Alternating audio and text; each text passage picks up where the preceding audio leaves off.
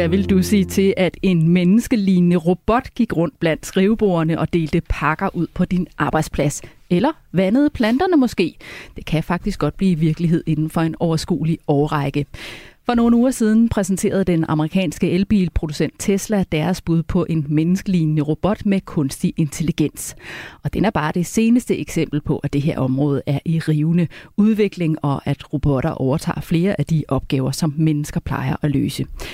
Derfor skal vi se nærmere på potentialet for kunstig intelligens, ikke mindst i forhold til vores arbejde, de opgaver, vi løser og den mangel på arbejdskraft, vi oplever. For spørgsmålet er jo, om robotterne også kan hjælpe os med det. Det tager vi op i løbet af den kommende lille times tid her i Erhvervsmagasinet Selskabet på Radio 4. Jeg hedder Stine Lynghardt og sidder bag ved mikrofonerne sammen med vores faste erhvervskommentator Jens Christian Hansen. Hej Jens Christian. Hej. Den her øh, robot, som Tesla har præsenteret, det er planen, at den på et eller andet tidspunkt skal blive så tilgængelig, at vi alle sammen kan få en derhjemme, som kan hjælpe med nogle af dagligdags opgaverne. Altså for eksempel sådan noget som at lave mad, eller klippe hæk, eller andet havearbejde. Skal du have sådan en hjemme hos dig? Altså, mig kan beskylde mig for, men jeg er, ikke, jeg er nok ikke øh, en, der er first mover. øh, men, men, men det er jo altid svært at se frem, Stine, og let at se tilbage, eller hvad var det Kirkegaard sagde, livet leves forlæns, men forstås baglæns. Altså, hvis man for 30 år siden havde sagt, at jeg skulle gå rundt med en lille mobil, nu holder jeg en mobil op, øh, som en, øh, en, øh, en, en, en computer, og som kunne styre hele mit liv, jamen så har jeg også sagt, det, nej, det kommer ikke til at ske. Eller World Wide Web, som jo ikke er mere end 30-40 år gammel. Jamen altså, øh, så vil jeg have tænkt, det er sådan en fremtidsscenarie for Hollywood eller sådan noget, ikke? Men, men, men, men det, er jo, det er jo kendskæringen nu, ikke? Ja, så det kan godt være, at der en eller anden dag kommer til at flytte en robot ind hos dig, men jeg hører også, at du er en lille smule skeptisk. Er det rigtigt? Jamen, det er fordi, at øh, jeg synes ikke, det er så, jeg er ikke sådan teknisk nørd interesseret, øh, altså sådan gadget interesseret, og jeg det ved ikke, om man skal være det. Nu har vi jo Henrik her i studien. Men det behøver du jo heller ikke være for Jens Christian. Det her handler om, at den skal hjælpe dig med nogle Jamen det opgaver. kan du bare se. Jeg forstår jo ikke helt det der kunstig intelligens. Så jeg glæder mig meget til dagens udsendelse. Det er godt, vi har nogle folk her i studiet, som ved en hel masse om det. Vi skal nemlig tale meget mere om uh, kunstig intelligens senere i programmet, og så skal vi også runde lønnen i det offentlige. For sygeplejerskernes løn er i den grad kommet på dagsordenen under valgkampen, og flere af politikerne er klar med en pose penge. Men her i Danmark har vi jo tradition for, at løn- og arbejdsvilkår bliver aftalt mellem arbejdsmarkedets parter, uden at politikerne blander sig. Så spørgsmålet er, om det udfordrer den danske model, at politikerne melder sig på banen. Det tager vi op i erhvervspanelet, som ud over Jens Christian i dag består af Balder Johansen. Hej Balder. Hej. Du er daglig leder i byggefirmaet Logik og Co. Og så har vi også besøg af Henrik Stenmann. Hej Henrik. Goddag, goddag. Du er stifter og bestyrelsesmedlem i det digitale bureau IIH Nordic. Velkommen til selskabet. Og lad os lige øh, starte med at kaste et blik på erhvervsnyhederne og noget af det, som har fyldt i løbet af ugen. Jens Christian, hvad har du noteret på bloggen? Jamen, jeg har noteret et par, stø- øh, et par stykker. Jeg har en meget, meget, meget, meget kulørt historie. Ja. Her for nylig, så dukkede der en øh, 52-årig russer op ned i Nationalbanken og sagde, at han godt ville have 3,5 milliarder dollars fordi han havde et brev, et såkaldt Bank Confirmation Letter, mellem et øh, andet investeringsfirma og Nationalbanken, som sagde, at Nationalbanken øh, skyldte det firma 3,5 milliarder dollar. Uh, og han bankede bogstaveligt talt på nede i Nationalbanken. Nede på den store port foran, Ja, nede på hvad? den store port. Og, og hvad tror du så, der skete, Stine? Det Lad mig ved jeg. høre. Han, øh, han blev smidt ud. Han blev ikke bare smidt ud, han blev politianmeldt, og nu kører sagen op ved retten. Men jeg synes bare, det fortæller noget om, altså, jeg mener, hvad er det folk ligesom tror, de kan snyde med? Vi har jo haft den der Dubai-sag med, med, med øh, Sanjay den danske, ja, som ja. blev øh, tømt ved den danske statskasse for, hvad- for 12 milliarder og sådan noget. Altså, jeg synes, det er en grotesk historie, den her. Altså, havde det været en film eller en satire eller sådan noget, men det skulle efter sigende være en sandfærdig historie. Ja.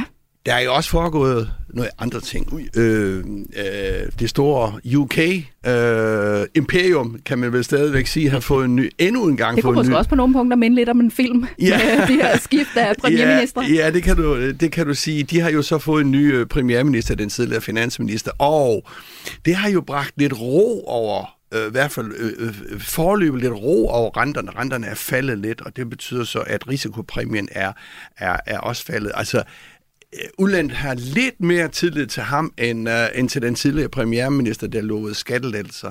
Ja, fordi det skabte jo noget usikkerhed, at man snakkede om de her skattelettelser Jamen, totalt ufinansieret skattelettelser, og det vil jo bringe den øh, øh, engelske økonomi i uføre øh, endnu mere, end den er i forvejen. Men det er stadigvæk en konservativ øh, premierminister, der er jo øh, nu, nu kommer til, men han sagde jo ved valget, øh, Øh, at han ikke ville love skattelettelser. Tværtimod, så kunne det godt være, at han skulle stramme op, fordi den engelske økonomi har det skidt oven på Brexit og corona og hvad ved jeg. Så nu er det så kommet en ny premierminister til, en, en, en, en Tory eller en konservativ, som måske skal hæve skatterne. Men betyder det egentlig noget for os nu, hvor Storbritannien ikke er med i EU mere? Ja, det gør det jo, fordi det er jo et af de stadigvæk de store eksportlande. Jeg tror, det er det, det fjerde største samhandelsland, ikke? og der har vi jo en masse bilaterale aftaler. Så det betyder, øh, øh, Storbritannien betyder rigtig meget for os, både som forbrugerland, øh, men også som øh, samhandelsland i øvrigt. Lad os runde af for Storbritannien og smut herhjem, Henrik, fordi jeg ved jo, at øh, du holder lidt øh, øje med elpriserne, eludviklingen. Ja, Jamen det har bare været interessant at se den øh, ændrede adfærd, der har, der har været. Øh, nogle af de nye opgørelser viser, at det er op mod 20% mindre forbrug, øh, der har været på, på den i privatforbruget, skal vi mærke siges. Og det er interessant at se, øh, fra mit perspektiv, så er det jo interessant at se den adfærd, der, der, der pludselig ændrer sig, lidt som vi så under covid. Øh, men også fordi, at øh, den app, der hedder Strømpriser, har været en af de mest downloadede, hvis ikke den mest downloadede app. Altså det her, hvor man kan se, hvornår på døgnet, at elen er billigst, og man skal sætte vaskemaskinen Præcis. i gang om natten. Og som nogen sagde, det har ligesom overtaget coronatallene, så er det blevet eltallene mm. på daglig basis, øh, hvornår er, er, er, er strømmen højst og pludselig har vi fået en stor interesse for noget, der ellers var et lavinteresseområde. Og det er jo lidt interessant, Henrik, fordi vi så jo også, at vi på nogle punkter ændrede vaner under corona, altså det her ja. med, at vi alle sammen arbejdede hjemme og blev så digitale. Hvad tænker du egentlig om det her med, nu ændrer vi så forbrug i forhold til el, men tænker du, at det er noget, som er er midlertidigt, eller kommer vi til at holde fast i den type vaner? Man kunne godt fristes til at sige, at det ville være dejligt, hvis vi alle sammen blev mere bevidste og så videre. Men jeg tror faktisk, at der er den øh, Øh, floskel i, at vi kryber faktisk tilbage til de gamle ting, når, når vi, elprisen bliver øh, stabil, for det vil den øh, gøre. Den bliver så lav, så der er ikke rigtig nogen, der gider at, at, at følge med i den. Øhm, og så kan man så, så også tro og håbe på, at teknologien faktisk vil med til at hjælpe en, så man ikke skal selv sætte uret og gå ned og tænde og vaskemaskinen, men vaskemaskinen selv starter klokken øh, 3 om natten. Øh, så der kommer også et teknologisk fremskridt på det her, øh, som vil fastholder også nogle af de gode vaner.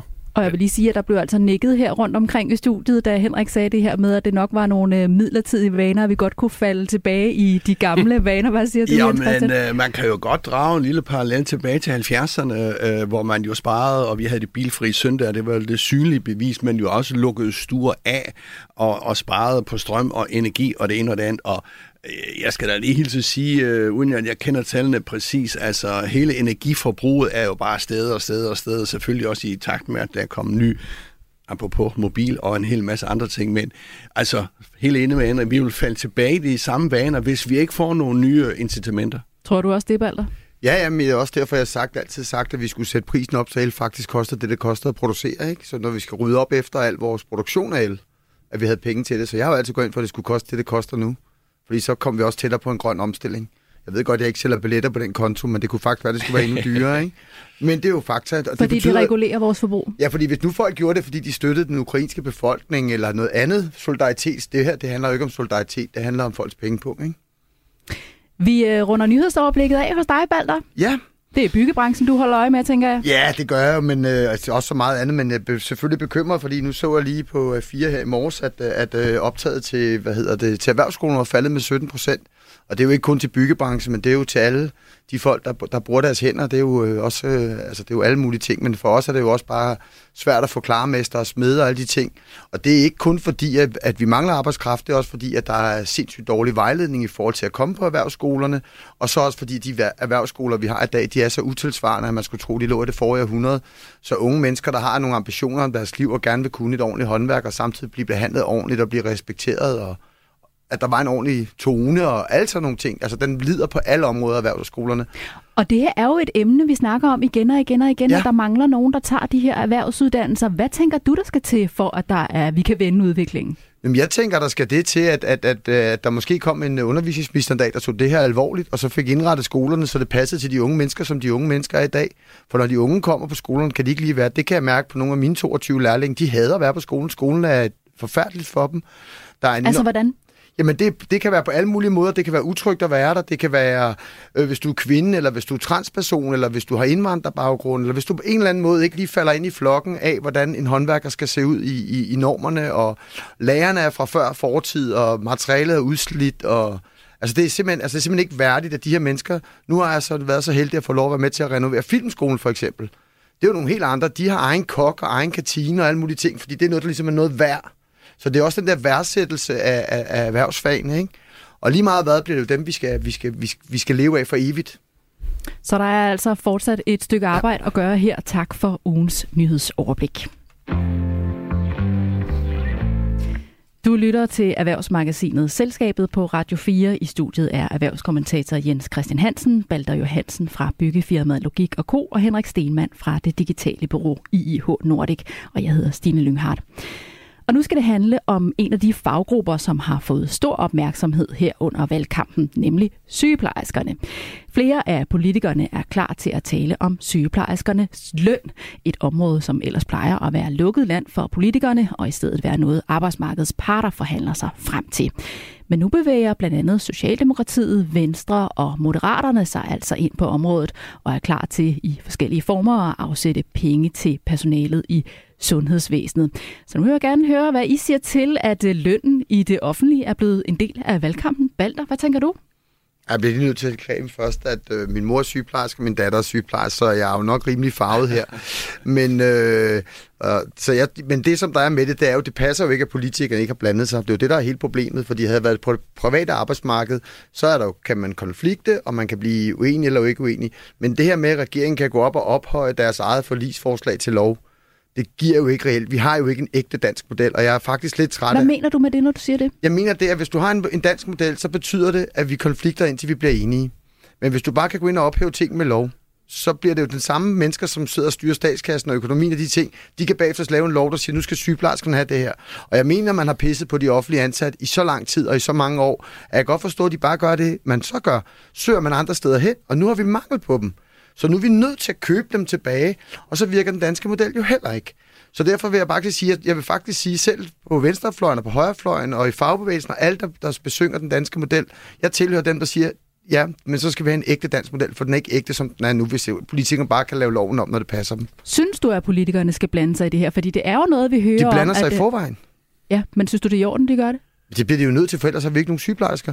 Og de har, de, jeg synes faktisk, det er pinligt, at det er under halvanden år siden, de trådte på dem på den mest ydmygende måde. De gav dem en honningkage, og det var, hvad de fik, ikke også? Hvis folk kan huske tilbage på, hvordan de blev ydmyget. Jeg kan godt forstå, at de er smuttet.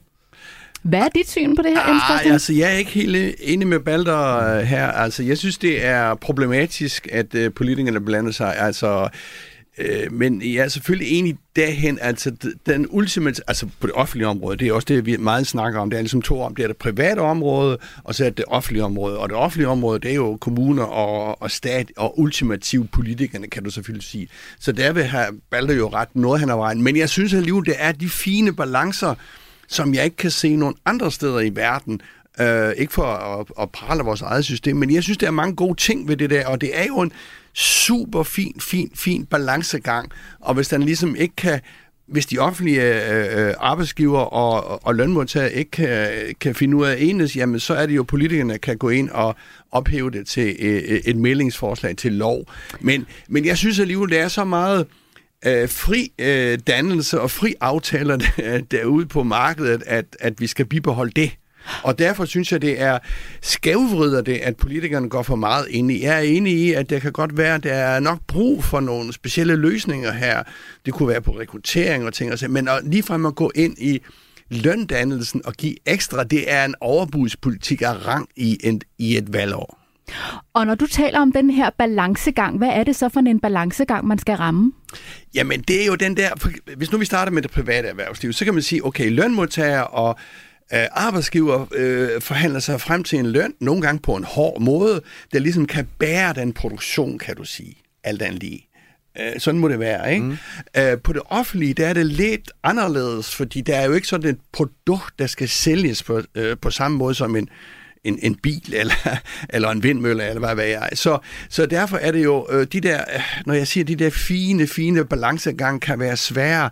Øh, øh, altså, øh, Øh, man må ikke gå over, øh, fordi så øh, koster det jo i statskassen. Altså, hvis du går, øh, tager nogle vilde lønninger, så koster det i statskassen. Og uden at gå ind i detaljer, så er det sådan, at de offentlige lønninger, de, de, de, de, de, øh, hvad skal man sige, de, øh, de skygger sådan set øh, de private lønninger efter et bestemt forhold. Så for, det var en lang historie, men, men det korte lang, altså det er en fin balancegang der. Den har så ikke virket alle steder, kan man sige, fordi nu mangler vi sygeplejersker, så den har jo ikke virket, kan man jo sige kritisk. Og når den ikke har virket, Henrik, er man så ikke nødt til at gribe ind politisk, hvis vi gerne vil have de sygeplejersker, som der er brug for? Altså, da, da øh, sygeplejersken øh, hvad hedder det, nedlagde arbejde, det gjorde de lige i sommerferien, hvor nok var den dårligste, mest år, ja. ja, uheldigste timing overhovedet. Øh, der synes jeg faktisk, at man havde, øh, hvis man skulle have blandet sig, så var det der, man skulle have blandet sig. Øh, I stedet for at, at komme nu her i en valgkamp. Det er simpelthen... Mm. Øh, det er skandaløst, at man begynder... De kan heller ikke fortælle, hvem skal have mest i løn, fordi mm. hvis du giver den i løn, så vil de også have mere i løn, og så videre. Og jeg synes, man man, man bliver ved med at symptombehandle. Øh, det er også, når vi kommer til psykiske lidelser hos børn og hvad der ellers er. Vi, vi kommer ikke ind til kernen. Vi bliver bare ved med at, at symptombehandle. Hvordan øh, kommer øh, vi så ind til kernen?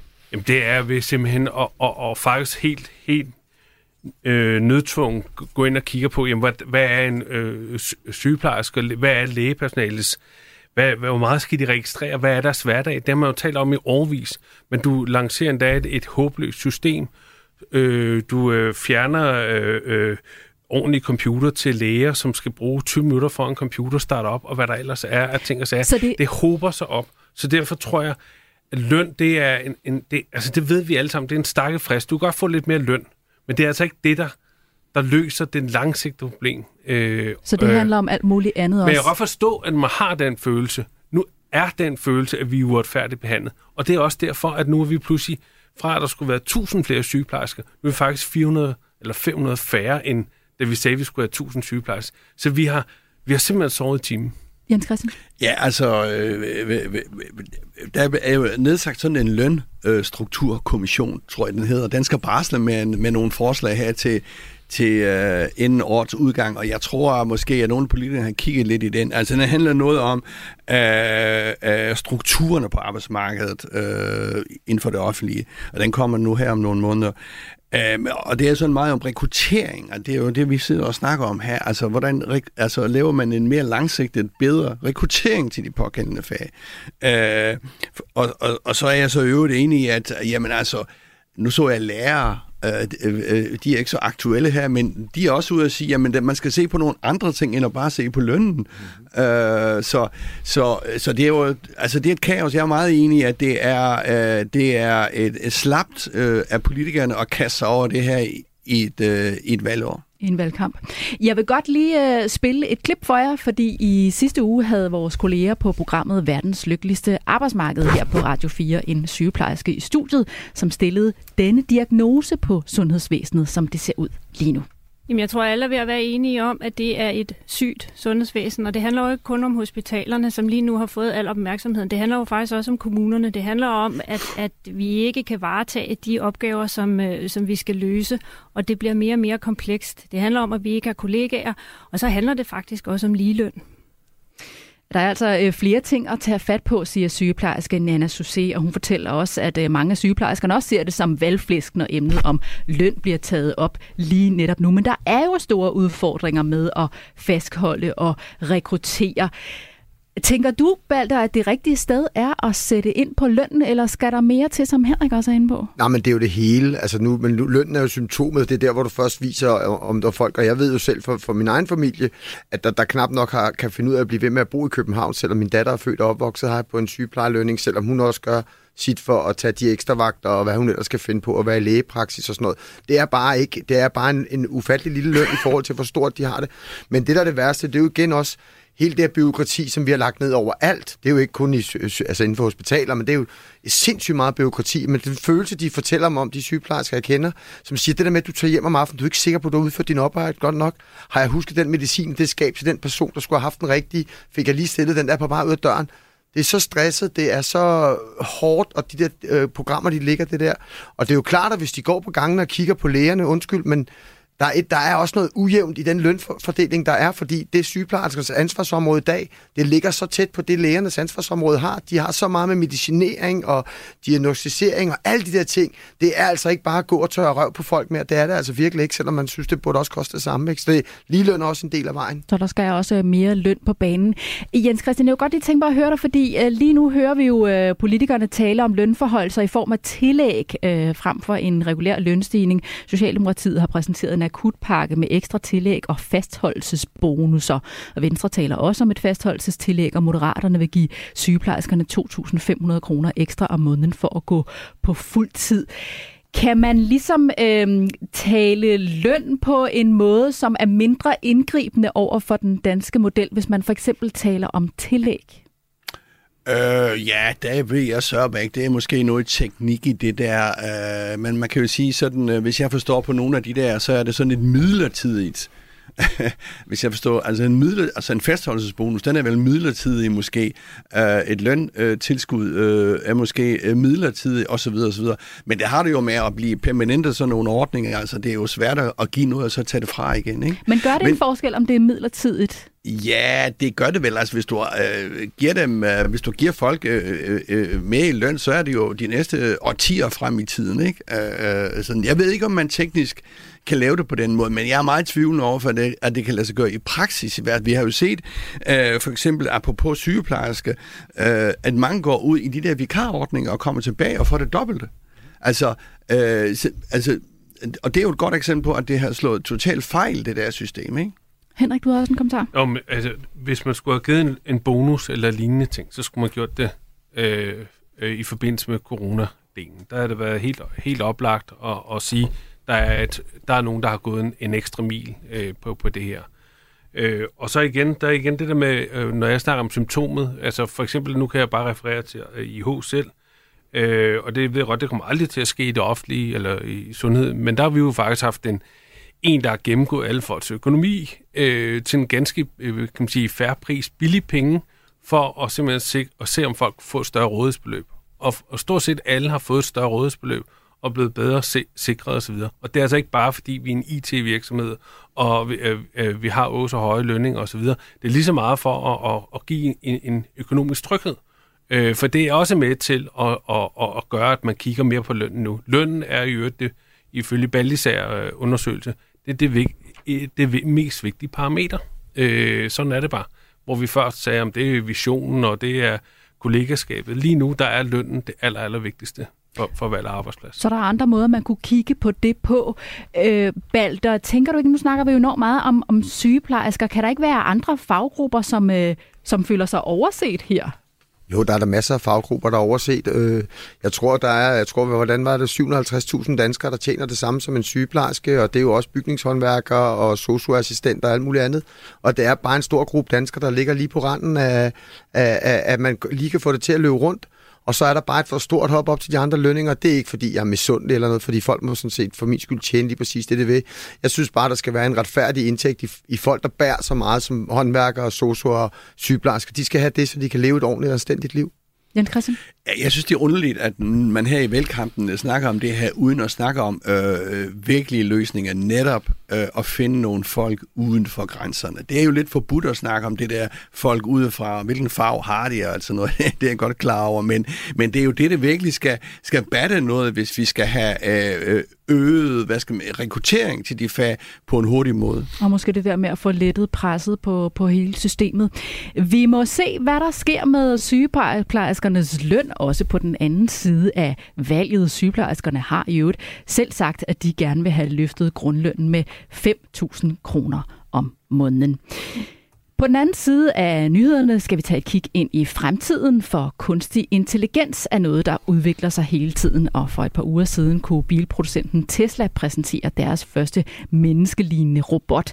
Vi skal se nærmere på potentialet og også på udfordringerne lige om lidt her på Radio 4. Det er lige efter nyhederne.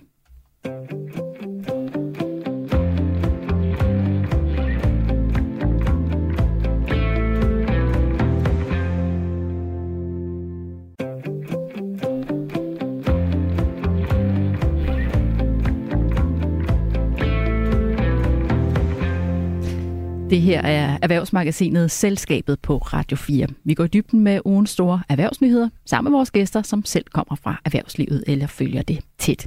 Vi har netop været omkring et varmt emne i valgkampen, nemlig sygeplejerskernes løn.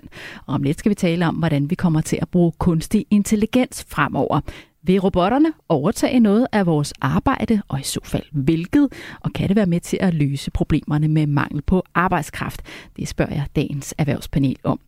Det består i dag af selskabets faste erhvervskommentator Jens Christian Hansen, Balder Johansen, som er daglig leder i byggefirmaet Logik og Co., og Henrik Stenmann, der er stifter og bestyrelsesmedlem i det digitale, digitale bureau IIH Nordic. Jeg selv hedder Stine Lynghardt.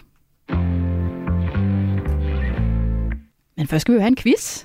Det er nu, vi tester, hvor godt I egentlig har fulgt med i ugens erhvervsnyheder. Du var lige ved at få vandet galt i halsen, Jens Ja, men jeg, jeg, bliver rystet, jeg bliver rystet hver gang, du nævner det. Det er, der quiz, så nu skal du Nå. være sød ved Det skal jeg nok.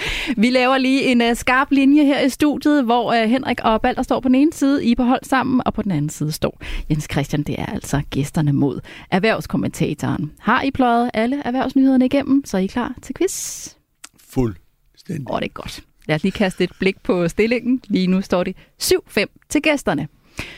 I dag skal det handle om den danske erhvervsmand Lars Seier Christensen. Det var ham, der var med til at stifte Saxo Bank tilbage i 90'erne. I dag er han milliardær og har et investeringsselskab. Seier Capital hedder det. Og med det selskab har han blandt andet købt sig ind i Parken Sport og Entertainment og Michelin-restauranterne Geranium og Alchemist. Han bor selv i Schweiz, men i et nyt interview med Jyllandsposten kommer han med sit syn på, hvad der er det bedste og værste ved Danmark. Og lad os da bare få det dårlige overstået først, for hvad er det mund, Lars Seier synes er det værste ved Danmark? I får tre valgmuligheder. Har du allerede noteret svar? Nej, ja, ja. og I må, jeg skal lige sige, I får tre valgmuligheder, og I må ikke svare det samme. Nu skal I høre. Synes uh, Lars Seier, at det værste ved Danmark er, at vores skattesystem er for kompliceret? Er det, at vi er for dårlige til at lære af andre lande? Eller er det, at det er for besværligt at drive virksomhed i Danmark? Og skulle vi nu lige, når nu du er på bagud på point, Jens Christian, skulle vi så uh, lade dig få serveretten og svare først? Altså, man kunne jo godt tro, at det var skatten. Fordi øh, nogen beskylder ham jo for at være flygtet til Schweiz på grund af skatten. Men jeg tror, det var nummer to. Øh, vi er for dårlige til at lære fra andre lande. Fordi han nævner tit sådan, øh, jamen hvorfor gør I ikke som Schweiz? Hvorfor gør I ikke som Singapore? Og så videre, og så videre. Jeg vil tro, det er det. Mm-hmm. Men jeg er ikke sikker jo. Hvilke tanker gør I over på det andet hold? Den vil jeg også have taget. Men øh, så tager ja. vi måske... Ja, vi har et hver. Ja, ja, ja. ja. Det kan I selvfølgelig også gøre. Så skal jeg sige den anden. Ej, altså jeg kunne sige alle tre ting, men jeg ved det ikke. Jeg, jeg vil skrue på det der med, at det er for besværligt at drive virksomhed. Det siger hans støtteparti i hvert fald hele tiden. Altså Liberal Alliance? Ja. Ja, den, det er den, skatten den er for, den er for Det er for simpelt. Det er, det er skatten er for nem. Hvorfor det? Den er, det er sådan, den er brugt. Den, har vi masser af Den synes alle jo. Så du har ikke som argument. Okay. Nå, så I siger, I siger nummer tre, altså det her med, det er for besværligt Og nu kommer vi sikkert til at skyde os til i ja. i Danmark. Nå, men prøv at høre, den, øhm, den vinder Jens Christian. Vi ja, på er, første valget, ikke? På vi er for, ja. ja du har bare, det, Stine, det der, man ikke må vælge det, ja, det er, at man ikke må vælge det samme. Nå, men så bliver det så kedeligt, så får I jo bare begge to point. Ja, det er selvfølgelig rigtigt. Ja. Nå, jeg beklager jeg en, en, en hård... Øh, jeg, jeg, jeg, jeg, hører, jeg hører ja. næste program om, om så gæsterne får lov til at vælge først næste gang. Ja, det, det. det er godt, Henrik. Den skal du bare holde mig op på. Det er helt i orden. Nu skal I høre. Lars Seier Christensen siger til Jyllandsposten, at, og jeg citerer, vi er så overbeviste om, at vi bor i verdens bedste land, at vi glemmer at kigge på, hvad andre kan. Vi lever ind imellem i nogle meget fastlåste forestillinger om, at alt, hvad vi gør, er det rigtige. Men det er ikke altid tilfældet. Vi har et godt land, ingen tvivl om det, men det betyder ikke, at vi ikke kan lære noget af andres måder at gøre tingene på. Og Lars Seier nævner specifikt Schweiz, som er et land, vi kunne lære af, hvor han selv bor. For eksempel i forhold til brugen af private virksomheder som underleverandør til det offentlige, og at det gør systemet mere effektivt. Balder, har han ret i det her med, at vi godt kan blive for fokuseret på, at vi selv er et godt og velfungerende land, og vi dermed også glemmer at se lidt ud over vores egen næsetip? Ja, det er, den del af det tror jeg godt, jeg kan give ham fuldstændig ret i. Jeg er nok ikke enig med de lande, han peger på, men det er noget sådan en helt anden sag. Men altså, ja, vi er alt for navlepillende, og vi er 5 millioner mennesker, vi er på størrelse med Hamburg, vi tror, vi har fattet alt. Hvor gør det så gældende, tænker du? Det, det, er sådan, det, det gennemsyrer os jo. Altså, vi har selvfølgelig også lavet rigtig mange gode resultater. Vi har jo også langt hen ad vejen et, et, et sundt samfund og med, med, med forholdsvis fredelige... Altså, der, der er jo, det er jo et forholdsvis godt land i forhold til sådan resten af verden.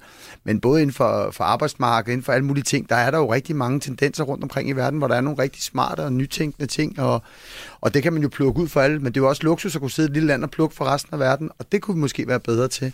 Synes du også det, Henrik? He- helt enig. Og jeg tror nogle gange, så har vi det med, sådan, så hører vi om, at tyskerne de skulle sende en fax under covid-19. Og så tænker vi, de kan slet ikke noget. Men, men, men det, det, er jo ikke, det er jo ikke den hele sandhed. Men det er, vi nogle gange, så har vi det med netop at sige, om det har vi øh, styr på.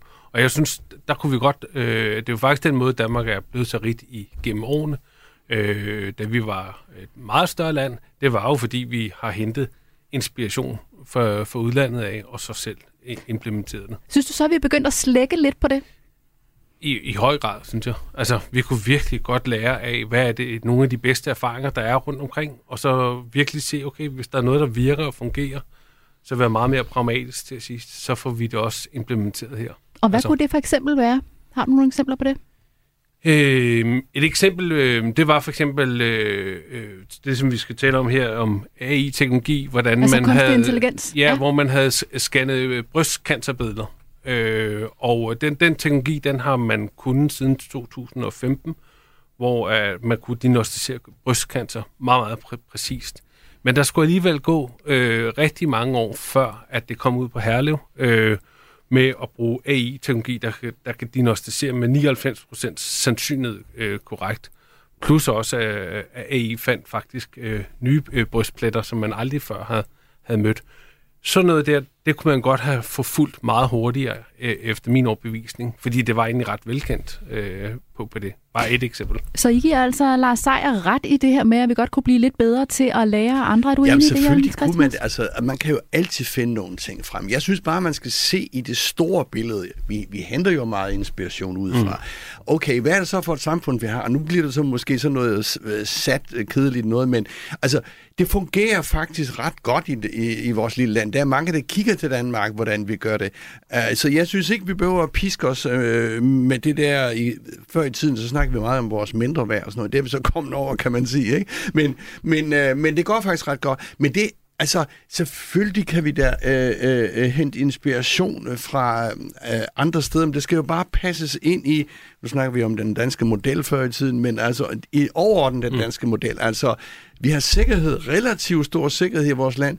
Vi har relativt stort velfærd for store grupper, og der er kæmpestore problemer at løse med ulighed, enig. Men i det store hele, og må jeg lige sige, Lars han er jo blevet rig på at være iværksætter hvorhen? I Danmark. Så det er altså ikke så dårligt at, at være i, i... Faktisk er det et af de bedste lande i verden at være iværksætter og starte virksomheder op i. Bare lige for at få det lidt sådan balanceret til de to her, her i studiet, som siger, at det øh, hele går helvede til. Jamen øh, lad os da runde af her. Okay. Det var måske en journalistisk stramning. Citat slut. Ja, så. Vi lukker den her. Jeg kan jo tilføje, at uh, Lars Seier synes, at det bedste ved Danmark er trygheden i vores land. Tillykke til Jens Christian. Uh. Og stillingen var nu 7-6, skal jeg lige huske at tilføje. Nå. For nogle uger siden øh, præsenterede den amerikanske elbilproducent Tesla med forretningsmanden Elon Musk i spidsen deres nye bud på en menneskelignende robot med kunstig intelligens. Den har noget af det samme udstyr i sig som Tesla-bilerne, men den her nye robot, som de har præsenteret, ligner altså lidt et menneske med arme, ben, fingre osv., og den kan bevæge sig rundt og udføre nogle af de opgaver, som mennesker klarer i dag. På en video kan man for eksempel se robotten gå ind på en scene og vinke til folk, og den kan også hente pakker og dele mod på kontoret og vande planter. Og på sigt er det meningen, at vi alle sammen skal have mulighed for at anskaffe os sådan en robot her, og den kan så hjælpe os med nogle af opgaverne i hjemmet, som for eksempel at lave mad og havearbejde. Robotten fra Tesla er bare det seneste eksempel på, at kunstig intelligens er i rivende udvikling, og derfor skal vi her i panelet tale om, hvilket potentiale det har. Og Henrik, jeg vil godt lige starte hos dig, fordi det her område, kunstig intelligent, også kaldet AI, som du også selv nævnte, det ved jeg, du er meget optaget af og ja. følger meget med i. Så jeg vil rigtig gerne lige til at starte med at have din hjælp til at forstå, hvad det er, kunstig intelligens egentlig går ud på. Fordi vi har jo haft robotter længe, som øh, mm. hjælper os på alle mulige måder. Hvad er forskellen på det, vi har kendt indtil nu, og så kunstig intelligens? Jamen, i virkeligheden så er det uh, kunstig intelligens, kan man sige, det er jo en, en overordnet betegnelse for, for rigtig mange andre øvrige teknologier, der ligger ned under AI, øh, som deep learning, machine learning og, og så videre. Øh, det, der er kendetegnet, det er, at man øh, fodrer en maskine med en masse data, en masse oplysninger, og den kan så begynde at simulere en, en, vir, en virkelighed. Altså man kan, den kan fortsætte der, hvor man ligesom øh, slap. Og jeg tror, at det, det bedste eksempel er jo nok, når vi øh, som vi alle sammen kender, Google Maps, når vi øh, skal fra A til B, bruger Google Maps, så er det blandt andet AI-teknologi, der, der viser, hvorhen der er kø, øh, veje, der er hurtigere at, at køre, selvom det ikke nødvendigvis er den lige vej. Den gamle GPS, der sidder i, jeg har en gammel bil, der sidder en gammel GPS i, jamen den vil, den vil også vise, men den viser altid øh, forkert i forhold til Google Maps. Og det er fordi Google Maps er blevet klogere og klogere, fordi der er så mange, der bruger det, og så kan, øh, kan man, kan man sige, det er en form for AI-teknologi. Og når den bliver klogere, altså, så er det fordi, man putter den her information ind i den, som den samler, og på den måde tænker, eller hvordan, hvordan skal man forstå det? Altså, det er jo ikke tilfældigt, at det er Elon Musk. Han er jo, øh, robotten hedder jo Optimus, øh, og, øh, og hele øh, hans bilpakke er jo lagt op til, at det kan være selvkørende biler. Alle Tesla-biler optager på daglig basis øh, alle veje hele tiden og bliver bedre og bedre og bedre. Og hvis lovgivningen ellers tillod det, tillod det så kunne øh, øh, bilerne faktisk godt være øh, delvist eller mere eller mindre se, øh, selvkørende. Men det tør vi ikke, fordi vi, der er en masse etiske øh, dilemmaer i det. Og det er nu så overført til robotten, øh, den teknologi, øh, også fordi han siger, at Tesla er egentlig 0 kroner værd, hvis vi ikke får lov til at være selvkørende. Øh, så, så er vi bare en, en, en elbil, øh, og, og, og så kommer der ikke noget, så, så er Tesla ikke noget nødvendigvis et unikum på det her område. Så jeg forstår godt, at han prøver at kigge i nogle andre retninger. Jens Christ? Ja, øh, Henrik, øh, jeg kunne lige tænke mig, altså, fordi jeg, jeg er også lidt optaget af det her, hvad er forskellen på kunstig intelligens og, og robotteknologi? Altså, jeg kan til nød forstå, at hvis du har en, en maskine, og så du putter en hel masse big data, altså en masse data ind, en masse statistik ind, og så kan den regne meget hurtigt, og så komme frem til nogle ting, apropos det, du nævnte med Google Maps, ikke? En masse information, mm. den kan behandle meget hurtigt. Men kan man også kan den også, og nu kommer jeg sådan over en science fiction verden, altså kan, kan, kan man også tænke selv? Kan den udvikle øh, nye øh, ting selv, hvis du forstår, hvad jeg mener? Ja, altså man kan sige, der er jo, øh, øh, ja, når det, når det er, er, er vertikalt, så kan den godt. Der, hvor menneskerne stadigvæk har en kæmpe fordel, det, det, det, det er, at vi kan tænke horisontalt. Men vertikalt, der vil en, en robot godt kunne og øh, vertikalt, så mener du jo, altså hvis du har en masse data, statistik, så kan det blive bedre, bedre, bedre, bedre til, til det. Ja. Og man kan sige, det der er i det, det er jo, at det der er, er sket, det er jo, at robotten kan kigge på øh, genstanden og kan identificere ret præcist. Nu talte vi lige før udsendelsen startede her om affaldssortering. Hvordan vi har sat en hel befolkning til at affaldssortere. Og det gør vi efter bedste evne. Men i virkeligheden kunne man godt have brugt AI-teknologi der simpelthen øh, øh, identificerer, øh, det er det plastik, det er det jern, det er øh, hvad det er, det nu er, og så lade AI, og måske med sammen med en robot, affaldssortere. Så det ikke var en hel befolkning, der skulle gøre det, men det var AI-teknologi. Det er konkret, det kan jeg forstå. Så den Ja. får altså ligesom en, en kommando, hvor man kan sige, at det har det før været nødvendigt, at det var et menneske, der stod og sorterede de her forskellige, øh, ned i de forskellige affaldsspande. Så kan man ligesom sige til den, at, at, at den lærer de her at kende ja, og, og kan udføre så- lige og præcis så når den den- kommando. Og når den så laver fejl, så siger man, hov, der lavede du en fejl, der tog du noget plastik op, som egentlig var noget metal, eller hvad det måtte være. Så lærer den af det. Så, så, så lærer den, laver den ikke den samme fejl igen. Og på et tidspunkt, så vil den rent teknologisk set være altså mere klog end, end et menneske. Og man kan sige, det der er ved at ske nu, det er, at, at der er en teknologi, der hedder øh, G, GPT-3-teknologi, som øh, IBM, Salesforce og andre står bag, som baserer sig på 175 milliarder parametre. Øhm, og for lige at sætte det i en kontekst, øh, så kan man sige, at det er ikke lige så klogt som et menneske. Men Google har lavet en teknologi, der hedder PALM. Øh, nu ved jeg godt, det bliver Ja, teknisk. det er en masse koder. Ja, øh, på 575 parametre. Og ham, der var øh, chefudvikler, han er blevet fyret, øh, Blake øh, Lemoni, han blev fyret den 22. juli, fordi han annoncerede, at den her robot, der var blevet lavet af Google, den havde følelser. Øh, den var blandt andet bange for at dø. Og øh, normalt plejer man at sige, at kunstig intelligens ikke kan have følelser. Og han har udgivet øh, de sessioner, også fordi den, den robot kendte ham bedre end nogen anden. Øh, og, og det er, øh, for igen at sætte det på en kontekst, at de her 575 øh, milliarder parametre er lidt over end den menneskelige øh, øh, gennemsnitlige altså sådan, evne. Og det er i bund og grund lige om hjørnet. Jamen, så er vi måske over ved noget her, frygten for noget, som... Øh, apropos det der med følelser. Det, Du er- ser det har- nogle øh, science fiction film inde på din net, Du kan- kan jeg Ja, men jeg ser, fordi, og jeg slog det lige op, jeg så allerede, at, at der er jo lavet masser af science fiction øh, film her, hvor, hvor robotterne og øh, alle mulige andre overtager mennesket.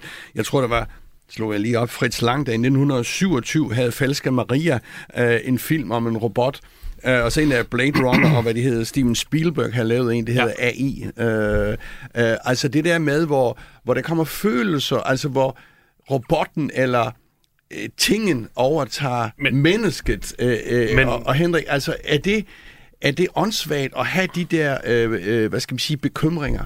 Nej, det er bestemt ikke. Altså nu Elon Musk, øh, han, den 17. september i 2017, der udtalte han faktisk, at kunstig intelligens vil være den største trussel mod civilisation. Øh, øh, og, øh, og det er jo interessant, altså han, myndigheder bør overvåge og regulere på det område. Og det er jo så interessant, han fem år efter, nærmest på dato, så, har han, så er det ham, der står i spidsen for en robot. Øh, og det er sikkert fordi, at man ikke har, har- han har ikke kunne kæmpe imod det øh, på, på, på det. Så, men, men vi er, for mig at se, så har vi kun set, øh, ja, måske ikke engang toppen af isbjerget. Vi har set, en, øh, men det kommer rigtig meget nu. Må- Ja, nej, men jeg kunne lige tænke mig en lidt aktuelt spørgsmål. Altså, vi har jo hørt om droner. Ja. Droner med det ene, og de skal flytte pakker og det ene, men vi har også hørt om krigsindustrien og droner i krigsindustrien. Præcis. Er det, øh, jeg kan godt finde ud af, at, at du har en bombe her, og så hæng, hægter du noget, øh, noget teknologi på, så den selv ligesom kan finde hen til, er det øh, hen til sit mål? Øh, er det øh, øh, øh, kunstig intelligens? Jeg ved ikke, om det er lige præcis kunstig intelligens, men det er, jo, det er jo en kombination, for den kan jo for eksempel billedgenkende. Så den, den vil kunne billedgenkende, den kan måske ansigtsgenkende. Så den kan ramme meget, meget præcist. Og, og det er også det, der gør, at, øh, at myndighederne bør vågne op øh, på hele det Og, her. og lovgive. lovgive, men bør gøre det på en smart måde. Men så skal man vel gøre det worldwide, altså globalt. Præcis, Det er præcis. Øh, enig. Jeg kunne godt tænke mig, at vi også lige når at runde alle de, øh, alt det potentiale, der er i kunstig intelligens. Fordi jeg ved jo for eksempel for dig, Balder, som er i byggebranchen, at øh, der vil være masser af opgaver, som du godt kunne se, at øh, kunstig intelligens kunne hjælpe jer med. Nu talte du om, at der også var færre, der havde søgt ind på erhvervsuddannelserne. Måske Ja. har I slet ikke brug for, at der er så mange, der søger ind, Nej, hvis det her område blev udviklet. Men der er, der, ikke, der er der overhovedet ikke nogen grund til at rende rundt og slide os selv ihjel på, på den måde, vi gør, medmindre det er for at skabe noget, der er smukt. Og jeg har altid gået ind for sådan et uh, fuldt automatiseret velfærdssamfund, socialt ansvarligt, alt, lige meget til alle mennesker. Det, hele. det er jo min drøm i virkeligheden, ikke? Og så kunne vi bruge tid på kunst og kultur og Ja, alle de ting, vi synes, der er sjove at lave. Det lyder også skønt, men hvor tænker du, at den der kunne hjælpe jeg, inden der for dit kommer, fag? de der, der kommer det alle de her ting her, men selvfølgelig skal vi lære at styre dem, for selvfølgelig er der en far i det, men det er jo klart, i byggebranchen helt konkret, der har vi jo fået rigtig mange arbejdsredskaber, det går ufattelig langsomt. Nogle af de ting her snakkede vi også om for 20 år siden, og jeg ser det på tegnestuer og på de fine ting, og der er man digitalisering og sådan noget, men nede blandt os håndværkere, der møder vi det altså ikke meget. Og vi, det er ligesom de ting, vi selv kan få, få, få puttet op, ikke? Og via vores brancheorganisation har vi været med til at udfinde forskellige hjælperedskaber, og der kommer også flere og flere kraner, der selv kan finde tilbage på plads, og alt sådan nogle ting. Men vi er, jo, altså, vi er jo lidt rystet over, hvor meget hårdt fysisk arbejde vi stadigvæk skal lave. Og det er jo fordi, at vi kan få billig øh, undskyld, sort arbejdskraft for resten af verden ind. Som, ja, så derfor. Så, så, længe der ikke, så længe vi ikke kan få, få lønnen op, altså vi skal have lønnen op for de fattigste i branchen, fordi så kommer de der intelligente ting af sig selv, fordi så bliver det billigere. Men du kunne godt se nogle af Ja. de der tunge ting, for eksempel, at der kunne I godt få noget hjælp. Henrik, kan du ikke prøve at sætte nogle flere ord på, hvor er det ellers, at potentialet er i forhold til kunst, kunstig intelligens? Jamen, potentialet er sådan set, øh, når vi tager sundhedssektoren, øh, det er, at, lad os sige, at du får en plet på armen. Du er ikke helt sikker på, hvad det er. Du kan tage et billede af det, og så kan du sende til, så kan du lade faktisk en app diagnostisere, hvad er, hvor, øh, måske ikke diagnostisere direkte, men kan sige, er der en risiko i det her, eller hvor sandsynligt er det bare, at det er et mygstik, eller er det øh, det, der måske ske var værre. Øhm, og der er jo, kan man sige, der er uanede mængder øh, af muligheder. Der er lige kommet også noget omkring, at man kan simpelthen høre på folks stemme, om de er ved at blive syge. Øh, det er også kunstig intelligens, der kan lytte på, på, på, på, på stemmen.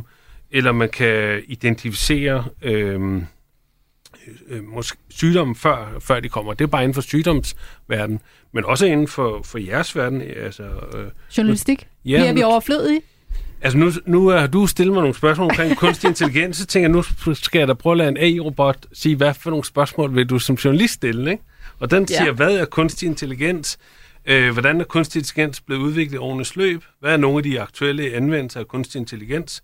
Hvordan fungerer kunstig intelligens? Hvad er nogle af de etiske problemer i forbindelse med kunstig intelligens? Hvad er fremtiden for kunstig intelligens? Hvad kan vi lære af kunstig intelligens? Og hvad er for nogle udfordringer, der er forbundet med forskning i kunstig intelligens? Jens Christian, vi siger øh, tak for i dag. Og så kan jeg bede om bagefter at lave artikler omkring lige Jeg synes, du skal lukke, jeg synes, du skal lukke for Henrik lige nu. vi skal altså lukke programmet her. Nej, prøv at høre. Jeg kunne godt tænke mig at øh, lige høre nogle af danskerne om, hvordan de egentlig har det med kunstig intelligens. Om de er bange for, at deres job på et tidspunkt kan blive overtaget af robotter. Vores reporter har været en tur på gaden i København. Er du nervøs for, at en robot en dag overtager dit arbejde? Jeg er ikke umiddelbart nervøs for, at en robot en dag vil overtage mit arbejde. Jeg kan godt se, at der kan være forskellige aspekter af det, som noget af mit arbejde består i at være en tjener. Det tror jeg godt, en robot kan, kan klare, selvom der selvfølgelig er nogle af aspekter af mit arbejde, der vil gå tabt. Men selve det at have overblikket som en restaurantchef og have med mennesker at gøre, tror jeg ikke, en robot vil kunne overtage. Ikke som det ser ud lige nu. Jeg vil til gengæld sige, at der er mange arbejdspladser, hvor jeg godt kan se, at robotter de ligesom stiller og roligt tager over. Men det er ikke noget, jeg som sådan er bekymret for. Jeg tror tværtimod, at det gør verden et bedre sted og åbner op for andre muligheder. Nej, det er jeg ikke. Som det ser ud lige nu, jeg når i hvert fald ikke at leve i den tidsalder, hvor kunstig intelligens når overtage. Ej, det er jeg ikke nervøs for. Som fotograf er vi jo blevet digitaliseret, øh, men det er os, der bestemmer øh, billedet og hvordan det skal se ud, selvom vi har computeren til hjælp. Så den, den kan ikke fotografere selv. Man kan sætte sådan en fotocelle op, så den selv kan tage billeder, men det er mig, der styrer. Hvad kan du øh, forestille dig, at man kan bruge kunstig intelligens til? For eksempel sådan noget som arkitektur og bygninger, og kunne især i lande, som er øh, økonomisk presset på nuværende situation, tror jeg, der er rigtig meget, som robotter kan effektivisere. For eksempel sådan noget at flyve fly en dag, redningsmissioner nede i, øh, hvis man er fanget i grotter eller under vand. Især inden for, ja, inden for arbejdsmarkedet øh, vil det kunne give folk og arbejdsgiver og arbejdstagere enorme øh, friheder og muligheder for at måske at bruge tid mere på familie eller deslige. Især inden for forskning af medicin og helbred, fordi at øh, DNA-strengens utallige millioner af tal kan pinpointes helt specielt, så man kan lave målrettet medicin til den enkelte person. Hvilke former for opgaver mener du så, at man ikke kan bruge kunstig intelligens til? Kunstig intelligens forestiller jeg mig er noget, hvor de vælger alt over en kamp. Så det er svært at have empati for den enkelte sag og den enkelte situation. Så sådan noget som domstole, noget hvor det er vigtige valg i forhold til empati. Nogle dele af sygehuset tror jeg kan effektiviseres med øh, kunstig intelligens. Og stadigvæk sådan sundhedsmæssigt aspekt af mennesker, som kunstig intelligens ikke rigtig kan hjælpe til. Så for eksempel sådan i fitnessindustrien tror jeg ikke rigtigt, at det kan bruges ud over selvfølgelig at lave nogle stemmer, der kan guide en. Til det sociale samvær, det vil altid være menneskeligt. Ja, dem vi mødte på gaden her er altså ret positive over for kunstig intelligens og ser meget potentiale i forhold til at effektivisere og løse opgaver, hvor det er svært at komme frem, og man kan blive mere præcis. Til gengæld vil robotterne aldrig kunne mestre det sociale empatien.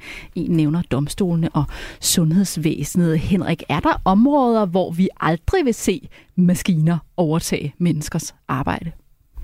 Jamen, når, når det kommer til, øh, til, til følelser, det vil så vise sig, øh, og kommer til øh, netop på øh, empatidelen, ja. der, der, den tror jeg ikke, at kunstig intelligens lige for nuværende øh, kan, kan dreje.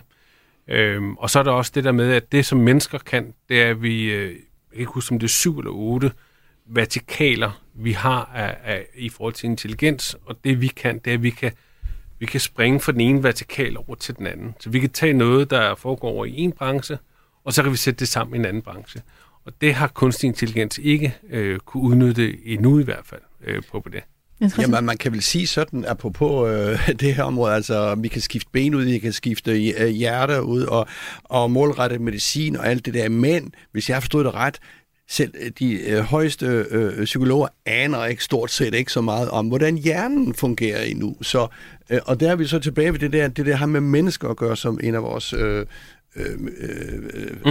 øh, der blev sagt her. Altså det der, hvor der har med følelse og empati, og det der med mennesker at gøre, det tager nok lidt længere tid, man kan få øh, kunstig intelligens til det. Så der er altså stadig plads til os mennesker. Det her er altså et område, som bliver rigtig interessant at følge med i, men vi skal til at runde af for selskabet i dag. Tak til vores gæster i dagens erhvervspanel. Balder Johansen, daglig leder i byggefirmaet Logik og Co. og Henrik Stenmann, stifter og bestyrelsesmedlem i det digitale bureau IIH Nordic.